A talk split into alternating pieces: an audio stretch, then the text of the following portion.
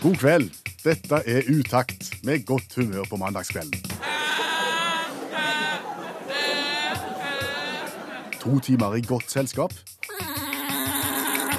Med variert musikk.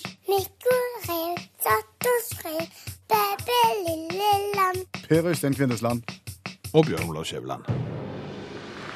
Jeg erklærer herved Radioprogrammet Utakt for åpnet.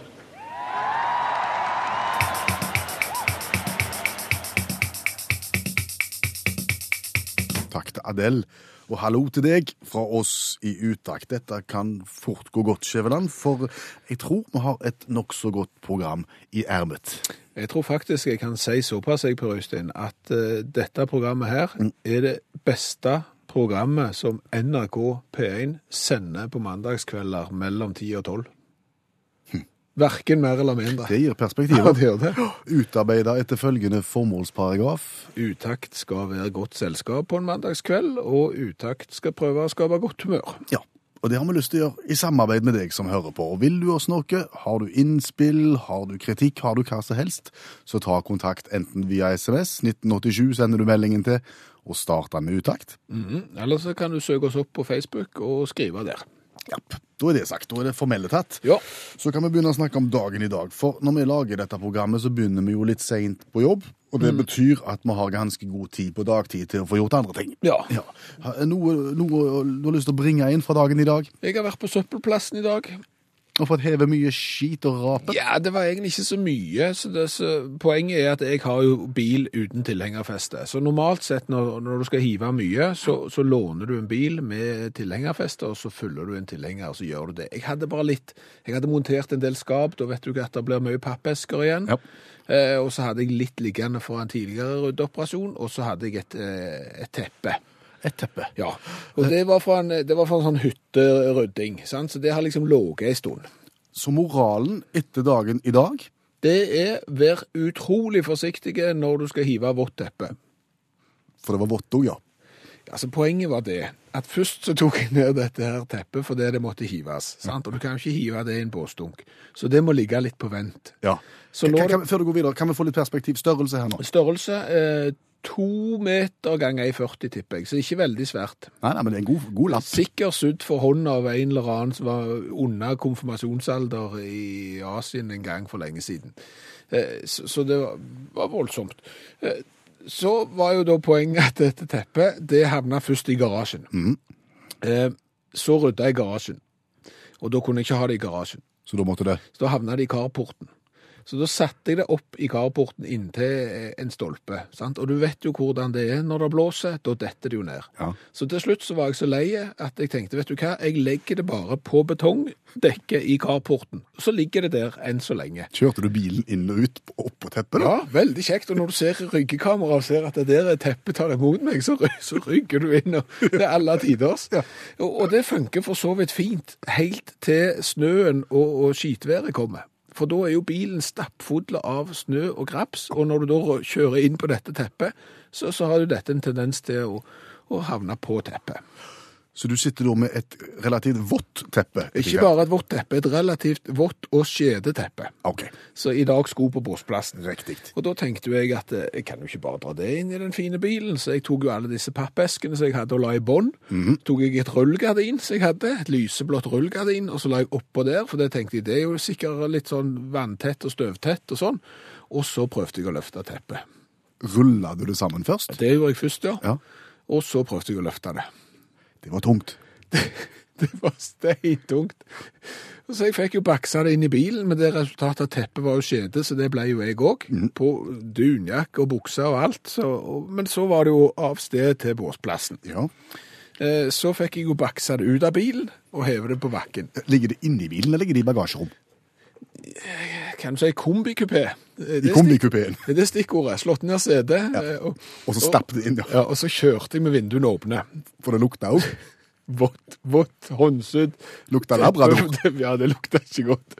Så, men vi kom, og så kom jeg meg ned fram og fikk heve ut dette teppet. Ja. Og det detter jo til bakken som, som om det var en voksen mann som var død. sant? Bops. Boff. Ja. Og så prøvde jeg å få det opp i containeren på søppelplassen. Og den kanten der er ca. 1 meter og 20. Mhm. Hadde ikke nubbsjans. Snakker du helt sant? Ja, jeg hadde ikke nubbsjans. Det er så tungt. Jeg påstår jeg er ganske sterk. Ja. Så jeg måtte jo spørre en som heiv papp.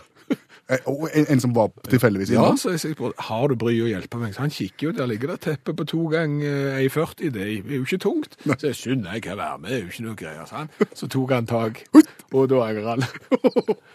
og prøvde å løfte, og kjente jo at det var blytungt, og så fikk vi det nesten opp. Så ble det liggende litt på kanten, og så begynte det å dette ned mellom rekkverket og kanten på konteineren. Og da måtte vi holde igjen, Oi, oi, oi. og så fikk vi til slutt baksa det oppi. Og da var jo det hevet. Og da tenker du, da er sikkert problemet ute av verden. Det er ikke det. Hva er det da, da? Da tar du vekk pappeskene som lå i bånn, som på en måte skulle ta opp fukten og sånn fra dette teppet. Det har ikke tatt opp fukten. De er våte, og bilen er enda våtere. Det rant med vann inni bilen. Utrolig hvor mye vann et teppe kan, som ikke er større enn 40 ganger 2 meter. Så da måtte jeg kjøre tilbake igjen, hjem, med vinduene nede. For, for det lukta. Og så har jeg tatt ut eh, teppene inn i bilen, og så har jeg eh, sprayet de med bilsjampo. Og så har jeg spylt de, og så nå henger de til tørk. Ikke i carporten denne gangen. Nå henger de inni i garasjen. Så får vi se hvordan dette ender. Moralen er unngå teppe i carporten. Eventuelt frakte på vanlige tilhengere. Kan du definere hurtigkasse? For deg, Ja, og for alle som hører på radio òg. hurtigkasse i supermarked. Ja. Eh, Det er en eh, sånn kasse hvor eh, du går hvis du har litt dårlig tid, og maks ti varer, for eksempel, som du har som du skal legge på båndet. Du har lite varer, da kan du gå i hurtigkassen. Hva, hva forventninger vil du ha til en hurtigkasse? At det, at det skal gå ganske fort, at det går raskt igjennom. Derav hurtig. Ok, så, så, så på en måte det som ligger i, i ordet der, altså hurtigkasse, der forventer du fart og effektivitet. Ja. ja, det gjør for så vidt jeg òg. Ja. Og, og derfor er det viktig å oppbemanne, tenker jeg, en hurtigkasse på rett måte. Oppbemanne? Ja, fordi at det, når du da kommer i en hurtigkasse, Ja. så er mye av trikset det der med at hver kunde har få varer. De kommer ikke med ei vogn som er søkklassa med alt ifra kattemat til asperges. Nei, det har vi sagt. Ja, og, og, og disse få tinga. Men da kan du ikke ha en som sitter i kassen som jobber seint. Nei, jeg ser den. Altså, for det, det har du opplevd, at eh, når du kommer i en kasse, så har du de som er veldig effektive, og så voff, så, så har du på en måte tømt hele handlevogna.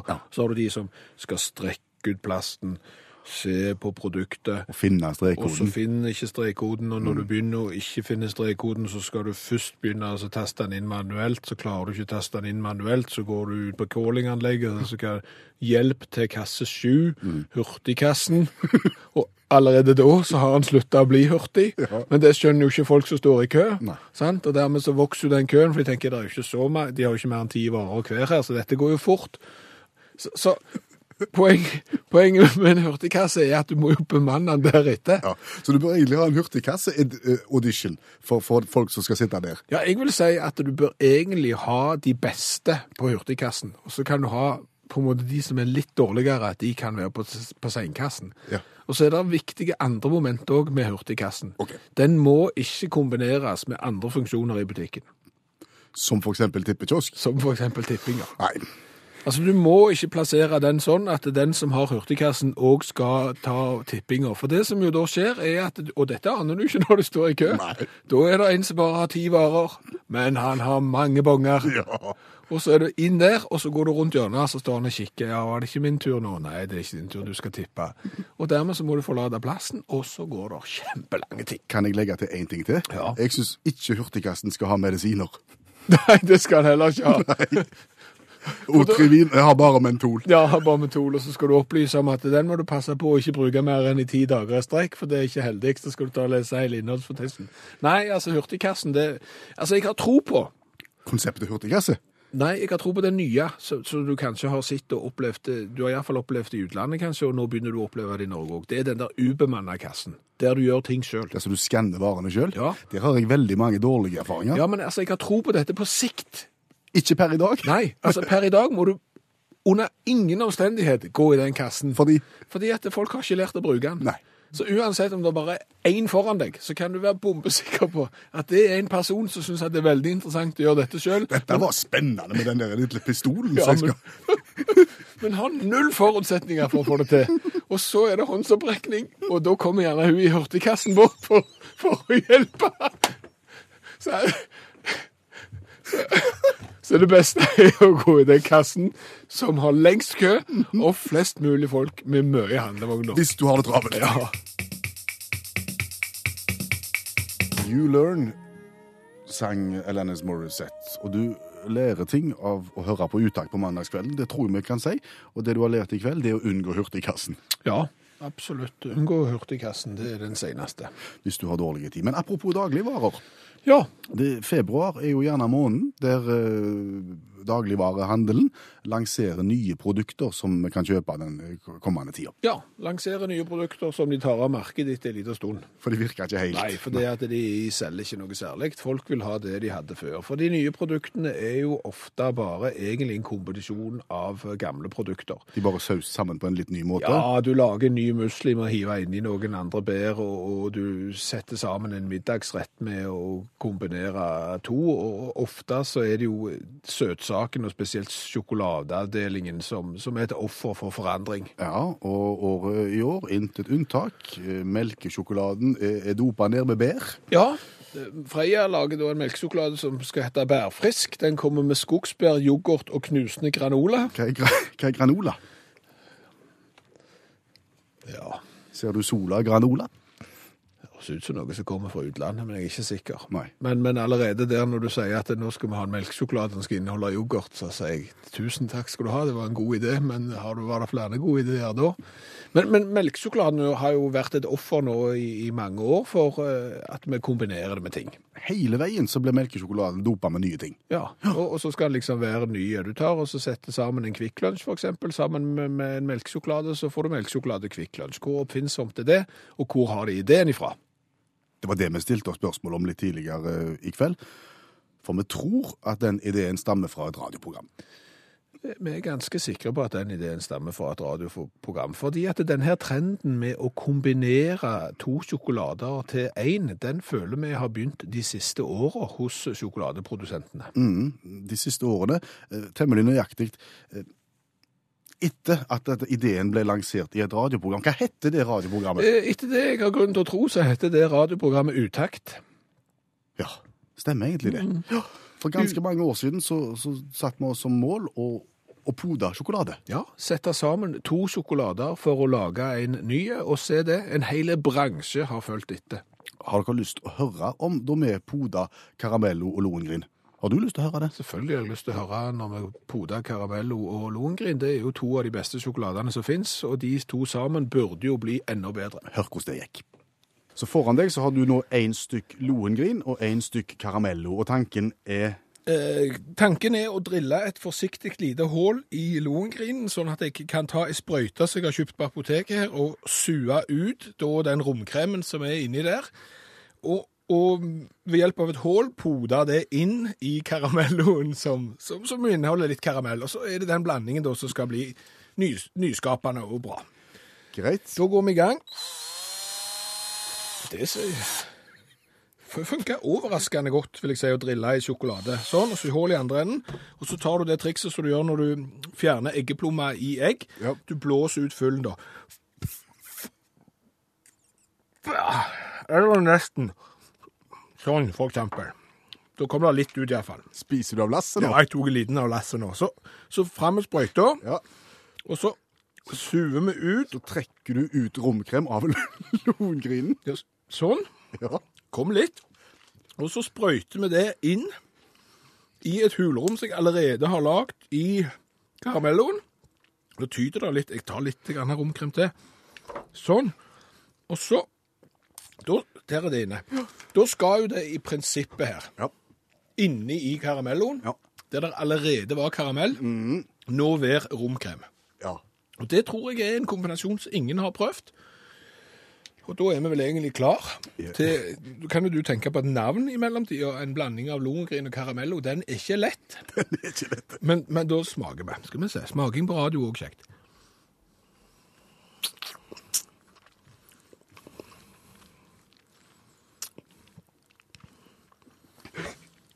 Vet du hva? Det, det var godt.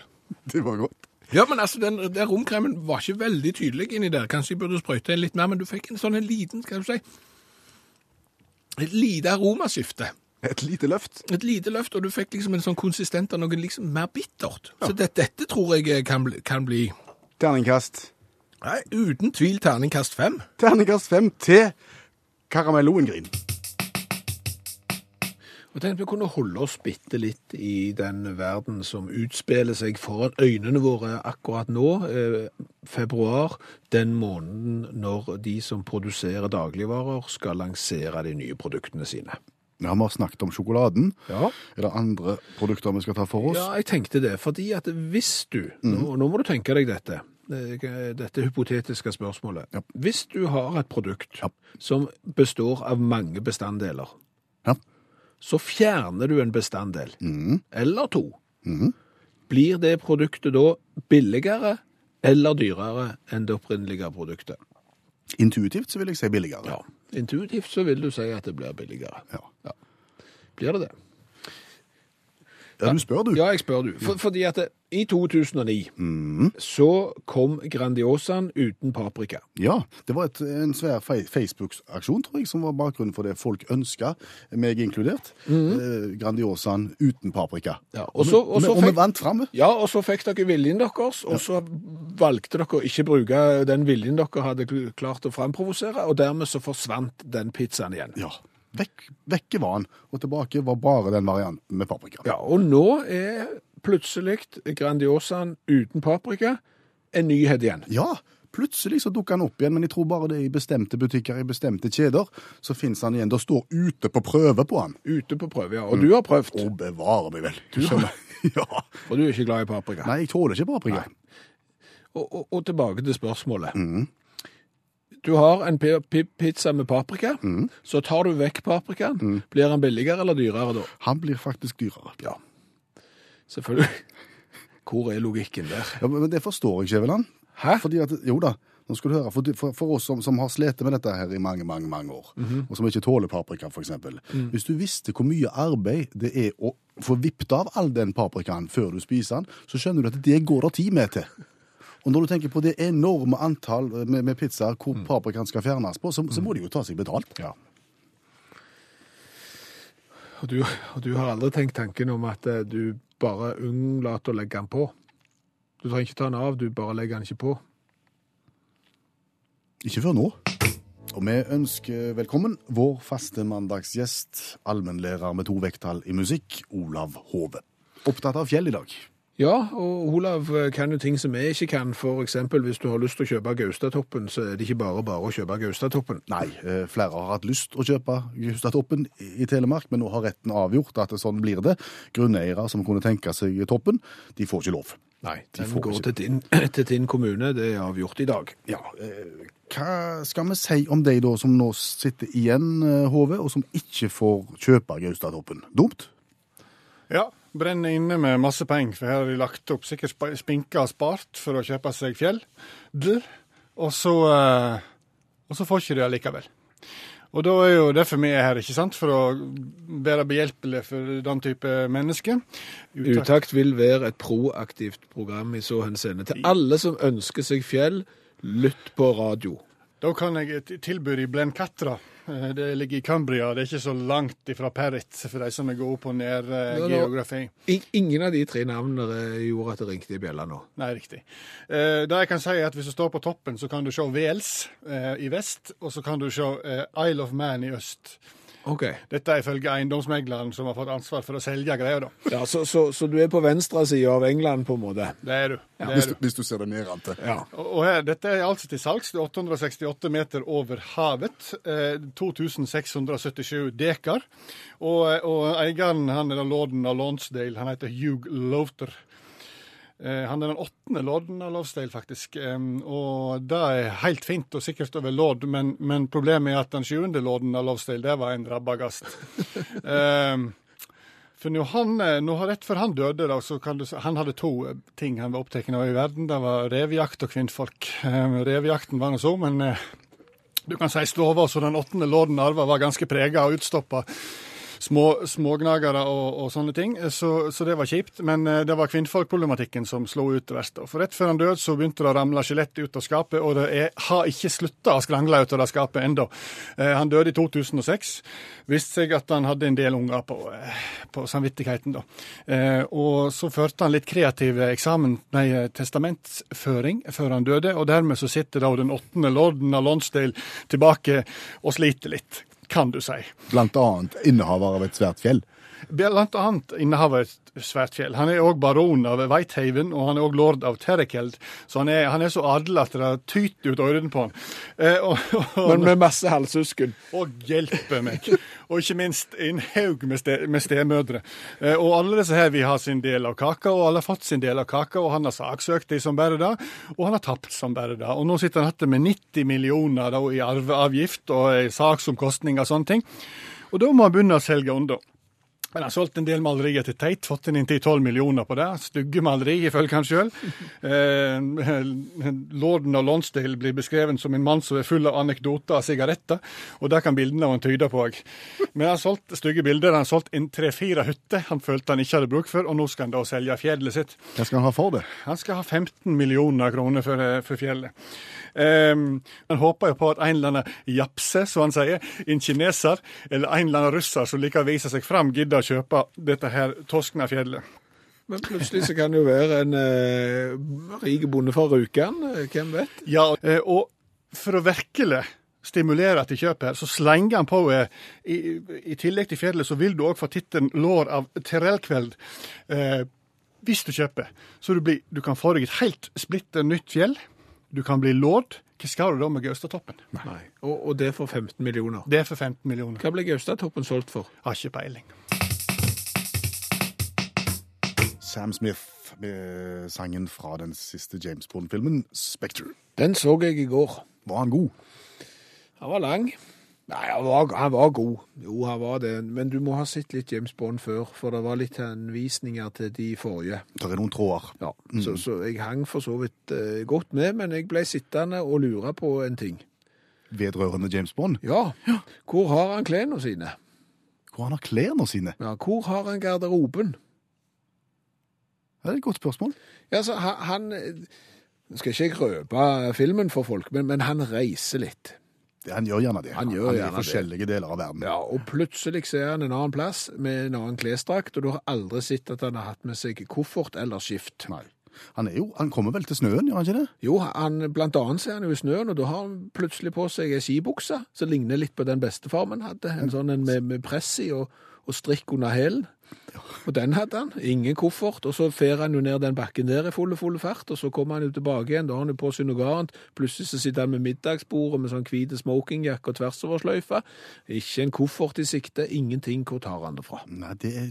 Og, og så har han jo gjerne med seg dama. Ja, ja. Og hun har jo tilsvarende like mange skift. Ja, og du er ser jo ikke at de liksom sjekker noen plass, og så kommer noen og tar kofferten deres, og så må de pakke ut og henge inn i skapet der ved siden av, så legger de kofferten på den der rare trikantbenken som det ofte er på hotellrom og sånn. Du ser aldri det. Så jeg bare lurer på, hvor er klærne til James Bond? Forslag? Nei, og ikke spesielt viktig heller. Det betyr strengt tatt ikke veldig mye for historien, men det er klart når du blir litt distrahert og begynner å tenke på det, så går to og en halv time ganske fort. Jeg kom til å tenke på en ting i, i bakkant av det du sa for tre og et halvt minutt siden. At du, du satt og så James Bond-film i helga, og I går. i går, ja, og fulgte egentlig ikke så mye med på selve filmen, for du ble så opptatt av å tenke på hvor James Bond hadde, hadde klærne sine. Ja, skifta ofte klær, men jeg så aldri noen koffert. Nei. Nei. Er det et tegn på at du begynner å bli gammel, når du begynner på en måte å fokusere på andre ting enn filmen? Hæ? Nei, Det er mulig det er et alderdomstegn. Jeg føler meg jo som en ungdom, og jeg er jo det òg. Jeg kom til å tenke på en annen episode så som minner litt om den. det, -hmm. det, var, det var hun som kom hjem fra kino og skulle fortelle til far sin, som var begynt å bli Han var noe eldre enn deg, men ikke så mye heller. Ok. Uh, hun hadde vært på kino og, og sett en fantastisk film. Og, og var nesten grepen når hun skulle fortelle faren om filmen. At, ja, det var så sterk film, han var så fantastisk. eh, Det preste på, salen var magisk. Det var, det var, det var en, en storarta opplevelse, rett og slett, sa datter til far. Far ser på, far nikker. Og så kommer det. Du har vært på kino i kveld, jenta mi. Mm. Hvor parkerte du hen da? Da er vi klar for eh, konkurranse, Skjæveland. Og det er jo sånn at vi søker motiverte deltakere, og i kveld så har vi fått en som er motivert. Ja, vi har fått en SMS ifra Steve. Steve sier at han bør få delta i konkurransen fordi han skal spille to konserter i Norge med bandet sitt snart. Uh, good evening, Steve. Well, good morning from where I am. What's going on? Uh, you're now in, in the middle of an entertaining radio show in Norway, and uh, you want to join the quiz? I do. Good. Uh, because you're going to play two concerts in Norway the next weeks. I'm very excited, man. The tour is going great out here. The band's on fire. We're pumped up coming to Norway, one of my favorite places on planet Earth. And uh, for our listeners, which band do you play in? Toto. I'm on tour with my high school band, Toto. Yes, I am, right now. Toto, the band behind the hits like Rosanna, like Africa, like Hold the Line, like Stop Loving You, and all the others. And all the others. Yes, sir. Wow. Vi har altså med oss Steve Lukather, gitarist og grunnlegger av bandet Toto, som har solgt millioner av plater verden over de siste 40 årene, og som nå er på turné i Europa. Uh, have you heard our quiz before? No, I haven't, but I love a surprise. Okay, that's good. I explain the rules. I have nine different quiz books in front of me. You choose a ah. number from one to nine. We pick a random question. If you answer ah. correctly, you get some happy yodeling. If- and if you answer incorrectly, you will have some sad yodeling. But either way, you are going to get I'll our prize. number. s- I pick number seven. You pick number seven. OK. Yes. Barnas egen spørrebok fra 1965, og spørsmålet blir da eh, hvilken verdensberømt tidligere statsminister døde i dette året i januar, altså 1965. Jeg tror du skal ta det på engelsk til, til Luca her. Okay, then we have the children's own quiz book from 1965. Oh. Uh oh, I'm in trouble here. I feel it. Yeah, How, so how old were you in 1965, Steve? Uh, let me see. I don't know, like eight years old or something. okay, and then we have a question here. Which world famous former prime minister died in January 1965? Oh man, I- I'm a dead man here, man. I'm a dead man. How would I know? The prime minister from where? England? Former prime minister. I don't know. Was that before, before or after Margaret Thatcher's sex change? I don't know. Where's the sad yodel? Ya no he. It was Winston Churchill. Was it really Winston Churchill? Was that easy, man? I mean, I was. I thought that was too easy. I was gonna go. No, it's got to be more complicated. man. oh, no, this, I should have known that. Okay, like I am an idiot, but you know. We have eight books left. Which book are we going to take? Well, God, this isn't going well so far. I better get lucky. I, I don't know. Number four. Number four. Then you are not lucky. I'm sorry because you have picked the book 707 spørsmål og svar fra Haugesundsfotballen. 707 questions about soccer in Haugesund. You might as well ask me about the people, what language they speak on planet Venus. Ok, Hva er spørsmålet? Det er spilte Kjell Inge Fausganger noen offisielle kamper for FK Haugesund i sesongen 1994. Ta den, ta den på engelsk. Did Kjell Inge Fausganger play any official matches for FK Haugesund in the season of 1994? No. Oh, I'm sorry. He played one. One match. I, you know, see, you know, well, be, being that I was a big fan of his, I, I don't know how I missed that. Kjell Inge Fausganger was a hell of a player. Hvis du har kommet til nå og syns det er litt rart at konkurransen foregår på engelsk i dag, så har det en veldig god forklaring. Dagens deltaker er nemlig ingen ringere enn Steve Lukather. Han er gitarist og grunnlegger av bandet Toto. De er på turné i Europa akkurat nå, og Steve har meldt seg på konkurransen. One last book. Uh, one. One. Then you are in the ferie quiz, uh, a quiz book from uh, your holiday. And then we have a question. Uh, It's uh, Do you know the Big band, the high clock tower in London? Big Ben, yes, I do. Og det er et spørsmål det iallfall går an å gjette på. Det er hvor høy er Big Ben i London? Klokka Big Ben, hvor høyt er det? How tall is Big Ben? Guys, you guys woke me up for this, really? Okay. I don't have a fucking idea, man. Oh, Jesus. You know, I don't know. It's big. It's Big Ben, so it must be big. Yeah. Yeah, it's big. Let's. I don't know. Should, uh, should we say? 2,000 feet. 2,000 feet. Should we say hundred meter? Okay, that sounds good. There, Oh, there you go. Threw me a bone. there it was. Okay, well, no, that, that, oh boy, now that I've just shit the bed here, I'm really sorry. Du skulle ikke gitt han et bonusspørsmål her på slutten. Men vi liker jo det i utakt å skape mestringsfølelse. Så vi må ta et spørsmål vi føler at Steve Lukather vet svaret på. Ja, Hvis Steve Lukather kan gå ut fra dette programmet her med en mestringsfølelse, så syns vi det er godt. Ja. One, one last bonus question for Steve Lukather. Ja. OK. Ta et om han sjøl. Ja, eh, hva for noen to gitarister spilte gitar på Michael Jackson sin sang Beat It, eh, Steve? Eh, which two guitarists played guitar on Michael Jackson's Beat It? well, me and my and my pal Eddie Van Halen. hey, I won one, oh boy! You did. Talk about that's like that's like lobbing a Nerf ball at a two-year-old. You know. well, listen, I can promise you, I'm a lot better guitar player than I am a, a question answer. Yeah, okay. Great, man. Thanks a lot, and hello, everybody in Norway. Let's play a Toto song. You can choose. Oh man, you do it. Go ahead. I know. You know, you got to play the obvious stuff. So. No, we're going to play Great Expectations. Oh, thank you. It's one of my favorite tracks. You surprised me. I thought you were going to pull the old Africa. Okay, yeah, right. Give the people what they want. We'll see you there, Steve, with our, with our T-shirt, which you won in our competition. thank you very much. Great Expectations. Toto, og en litt surrealistisk opplevelse i det Toto-gitarist Steve Lukather deltok i Utakt sin konkurranse for fem-seks minutter siden. Ja, var veldig sporty, og han er nok sannsynligvis mye bedre på gitar enn han er på 707 spørsmål om Haugesunds fotball. Toto spiller i eh, Oslo og Stavanger i midten av februar. Skal vi ture videre med det vi pleier å gjøre på denne tida? Vi pleier å smake på cola. Ja, og det skal vi gjøre i dag òg, og jeg vet ikke helt hvor vi skal, for å være helt ærlige. Nei, men La oss begynne med utgangspunktet. Dette her er da Utakt sin store coladugnad, hvor vi smaker på cola fra hele verden. Ja, vi gjør det, og det gjør vi av to grunner. Den ene er at nordmenn reiser jo mye, og det kan være greit å vite for cola skal du drikke i hva for et land. Det andre er jo at det er tøft. Ja, Vi liker å være det radioprogrammet som har smakt på flest cola, og vi har runda 50 for lengst. Ja, ja, vi er forbi 50 for lengst, og nærmer oss 60, og det kommer en ny pappeske inn i dag. Ja, Ei Eh, kjempestore pappeske sto på pulten når vi kom i dag. Ja, og det var fra Anja Dubland, som holder til på Notodden. Hun hadde sendt en hel haug, og vi vet at vi har spennende cola fra Karibien på vei inn, så det er, er mye kjekt å se fram til. Hva er det Anja har levert oss blant annet i dag? Blant annet Celsius Cola. Fra Ja, det er det jeg er litt Altså, han er kjøpt i Sverige, og det er kullsyret, sukkerfri, vitaminberiket cola. Ja. Eh, Men han har egentlig opphavet sitt i USA.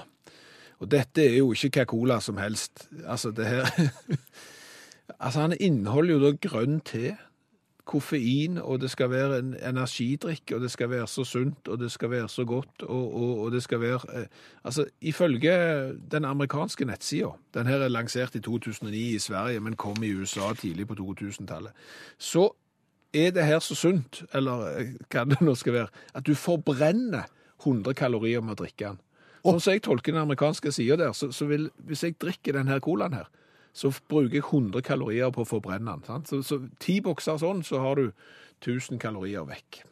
en effektiv trening. Effektiv trening. Du kan sitte hjemme på, på godsofaen og, og mure ned på Celsius-cola. Skal vi si at Celsius-cola er så til de grader spesiell?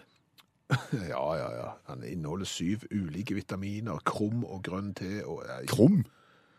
krum, ja. Det er sånn du har på bilen på støtfangeren. Ja, okay. Sikkert sunt. La oss prøve. Ja, og dette her er en boks, litt ubestemmelige farge, eh, litt sånn gushbrun, eh, litt palisanderbrun, eh, brystningspanelaktige i fargen, med en rød sirkel midt på, der det står Celsius Cola, kullsyret sukkerfri vitaminberiket drykk. Inneholder hvor mye? Nu- Null. Null, null og noe. Ja, 033 er det. Ja, ok. Yes. Vi gjør da som vi pleier. Først så smaker vi, og så gir vi karakter fra 1 til 10 på smak, og så ser vi på designet etterpå. Jeg må si jeg er kjempeskeptisk til dette. Grønn te og krum i colaen, jeg vet ikke.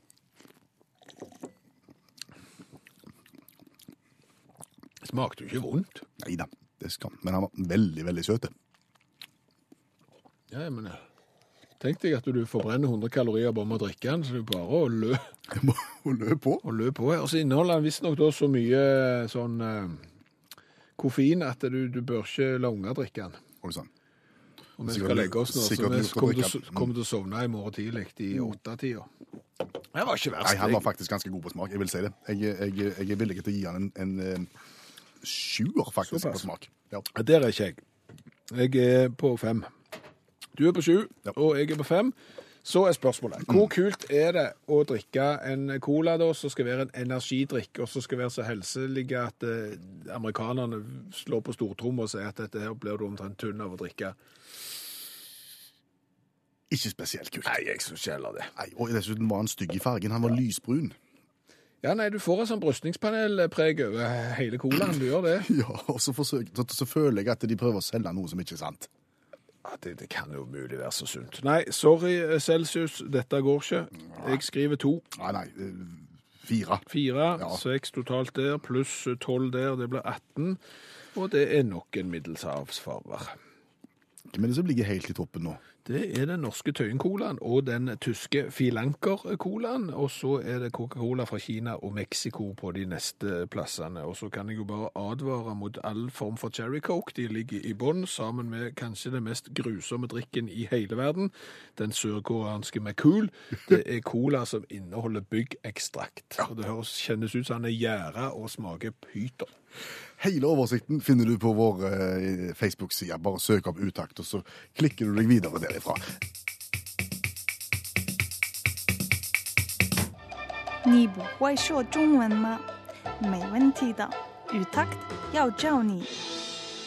Skjønner du ikke kinesisk? Ingen problem. Utakt vil hjelpe deg. Det var akkurat det Kjersti sa på vignetten her i kveld, bare hun sa det på kinesisk. Ja, og fordelen med å lære seg bitte litt kinesisk er jo det at kineserne har jo en egen evne til å si ting på sin måte. Ja, de snakker jo kinesisk, men, men å sette ord og uttrykk i en annen sammenheng enn det vi er vant med. Vi har noe å lære der. Der har vi absolutt noe å lære. God kveld, Kjersti. Eh, dagens, kveldens uttrykk vi skal se nærmere på, lyder som følger arbeid wo. Kan du gjenta det? Arbeid wo. Det hørtes ut som det hadde noe med arbeid å gjøre. eh, ikke helt. Eh, det er faktisk et tall. Oh. 250. Du sa 250 nå? 250. Arbeid wo. Og, og, og, tallet 250, jeg la meg gjette, det brukes i andre sammenhenger enn bare å si tallet 250. Det er nøyaktig det det gjør. For 250 kan òg bety dum. Hvis, jeg Så- hvis du er at 250, så er ja, du så? Hvis jeg sier ja, du er 250, så vil det være ganske fornærmende, for da sier jeg egentlig at du er en dum person. Hvorfor det? Mange historier, ulike historier, forklaringer for hvorfor eh, 250 ble til en dum person. Eh, men det er snakk, eh, om en eh, kinesisk keiser for mange, mange, mange år siden. Det var en venn av han som ble drept. Og så, gikk, så ville jeg jo finne ut av hvem var det som hadde drept eh, vennen hans. Så han gikk ut og sa ehm, dette var egentlig en forræder, så det var godt at han ble eh, togen. Så sa han nå skal jeg gi 1000 eh, mynter i belønning til den som står fram og sier at de drepte han her. Og da var det fire personer som eh, innrømte at ja, eh, jeg har drept eh, denne her personen. Og det var jo keiseren som lurte de, så han drepte alle fire. Og 1000 delt på fire er jo 250. Så det er på det kineserne sitter og mangler ti øre på ei krone. Mangler en øl på en sixpack, og ikke var den skarpeste kniven i skuffen. Men så er det jo også sånn at eh, hvis du da handler i Kina, så vil jo ikke den som står i kassen gjerne si at eh, du må betale 250. For det vil jo veldig frekt. Så det er jo ofte sånn hvis du prutter, så unngår du to, eh, 250. Da sier du 249 eller 251. Ja, det er sånn som i Norge òg, det. Det er ingenting som koster 100 kroner, det koster 99,50. Tusen takk, Kjersti Hetland. Så når jeg blir lei av Skjæveland og vil si at vet du hva, du er helt løk, så sier jeg Arbeid wo. Philip Bailey. 'Walking on the Chinese Wall'. Om det var noe kjent med trommelyden der? Det var noe kjent med trommelyden, og det var noe kjent med koringa der, for produsent og trommeslager på denne plata og korist var nemlig Phil Collins. Jeg, apropos, eh, jeg bare vet ikke om jeg har sagt det, men har jeg tilfeldigvis fortalt at jeg har håndhilst på Phil Collins? Nei, det tror jeg ikke du har gjort. Nei, jeg tror heller ikke det, sa du. Men, men nå har jeg gjort det, så nå er iallfall den katten ute av sekken, så slipper vi å gjøre det igjen. Du, Ja. en litt ugreie sak. ja. Det er bombetrussel. Det er en uting. Det er en forferdelig uting. Og hvis du har lest eh, nettaviser, hørt på radio, fulgt med i media i det siste, så har du gjerne fått med deg at det har vært ganske mange bombetrusler mot norske skoler i det siste. Ja. Skremme opp elever, skremme opp personale, skremme opp foreldre. Slutt med det. Ja, rett og slett. Stopp. Ikke kjekt. Eh, Og nå kan det vise seg at det, det, det kan se ut som det er en internasjonale hackergruppe som har gjort dette her. Og de har gjort det rett og slett for å tjene penger. Det er så barnslig som at de får fem dollar da for å true en skole, eller 50 dollar for å true et idrettsarrangement. Kynisk. Ja, de burde sprunget 5000 meter barbeint, burde de. På snø. Ja, jeg gjentar. Slutt med det. Ja, absolutt. Og, og, og det jeg, bare, jeg har bare tenkt litt på det. Du, du må legge litt det rasjonelle til side her, og, det blir en litt sånn hypotetisk tenkte verden. For, fordi at det, det der med bombetrusler har Det er jo, det er jo smittsomt. det er smittsomt, ja. Fordi at det, folk ringer inn bombetrusler til skolen da når de gjerne vil slippe eksamen, så tenker de ja, da blir jo eksamenslokalet stengt. Så da var det jo en nordmann nylig som ringte inn bombetrussel til en flyplass i USA, for han var i ferd med å miste flyet, tenkte at eh, hvis alle må evakuere, så blir flyet forsinket, da rekker jeg det, for å si det sånn. Han rakk ikke det flyet Nei. i det hele tatt. Nei. Så, så, så det er jo bare, det er jo bare tåpelig. Men, men tilbake til den der hvis du trekker vekk bitte litt av den, den rasjonelle tankegangen her. For tenk deg at du, hvis du var en internasjonal hacker, da, så, så ringer du til denne skolen Ja. og fremsetter den bombetrusselen. Så møter du eksempel ei litt streng kontordame der. sant? Så sier jeg, jeg har plassert ei bombe på, eh, i gymsalen deres. Nei, det har du ikke, Svarer damen. sier kontordamen. Nei, du har ikke det. Jo, jeg har det. Nei, det har du ikke. Slutt å tulle. Slutt å tulle, det er det dummeste jeg har hørt. Og vet du hva? Jeg har ikke tid til dette her. Så legger du på. Sånn. Hvis du møter en sånn holdning, så, så er det klart at til slutt Altså, så, så vil gjerne ikke denne oppmerksomheten spre seg, fordi at det, dette vil aldri da komme ut i media, og dermed så vil gjerne ikke bombetrussel bli en, et sånn et virkemiddel som det er. Fordi at det, takk og pris så er jo disse her bombetruslene ikke ekte. Og jeg kan ikke huske at det har vært noen ekte i Norge. Det kan det godt ha vært. Så, sånn at det, plutselig da, så er det bare sånn Nei, du får ingen oppmerksomhet for det. Takk for i dag. Møtet er litt streng. Med dolt i nakken. Der, så jeg hører kan bare glemme. Sant? Takk for det. Hører ikke hva det Hopp, hopp, hopp, hopp, hopp. Jeg skjønner at du leker med tankeeksperiment nå, så du ikke kan gjennomføre. Ja, jeg, og, og, og så kan du ikke gjennomføre det. Nei. Og det er godt at du ikke kan gjennomføre det, samtidig så det er litt dumt. For folk som dette, som skal tjene fem dollar på å skremme en hel skole, 50 dollar på å skremme folk på et idrettsarrangement, de burde ikke hatt eh, oppmerksomhet i det hele tatt. De burde hatt Cooper-test Resten av livet. resten av livet, ja. Er det ikke godt at vi har allmennlærer med to vekttall i musikk, Olav Hove, som en del av personalet? Absolutt, for han har greie på ting som vi ikke har greie på, og det er jo ikke potetgull alt som glimrer. Nei, det er helt sant det. For nå er det altså sånn at eh, Mårud og Kims igjen må møtes i, i rettsapparatet for å diskutere og finne ut hvem som har rett til å kalle ting for potetgull. Ja, stemmer ikke det, Olav? Ja, det skal de. Kims, Kims har egentlig retten på, på sin side her. Ikke vet jeg, men det er jo blitt en del spydigheter rundt der. Og, og, og det forundrer meg litt, for det er jo ikke helt uvanlig at, eh, at potetgull går til retten og går gjennom mange rettsinstanser. Og vi har jo den eh, VX-a berømte eh, Hva er Pringles-saken fra 2009. Ja, hva er Pringles? Er ikke det en sånn en Ja. runde bøtte med Chips i en, en sånn sylinderboks. Ja, riktig.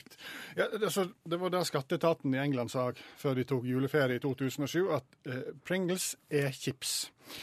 Og Procter og Gable, som da eier eh, rettighetene til, til Pringles, ble jo rasende, da. Og fikk med seg Mattilsynet, som lå i, eh, over nyttår i 2008, kunne si nei, slapp av, Pringles er ikke chips. Eh, så det var greit. Da fikk vi det ut av verden. og så var det noen... er det da? Kjøttdeig? Nei, annen mat er det. uh, jeg kan si at i en periode i 2008 så var faktisk Pringles regna som kake. Uh, det òg var kjeks, men, og innimellom har det vært chips. da. Det som skjedde da når Mattilsynet sa at Pringles er ikke chips, ferdig med det, eh, så saksøkte da skattevesenet, eller de, de tok denne saken for retten, for skattevesenet ville at Pringles skulle være chips. Høres det rart ut, det her? Mattilsynet og skatteetaten er uenige om hvorvidt Pringles er chips. Ja. Hva har skatteetaten å tjene på at chips er chips, og at Pringles ikke er kake? Jeg vet, jeg vet ikke hvor, hvor sterke de er på merverdiavgiftslovgivningen i England. Eh, Ganske god. Ganske god, ja.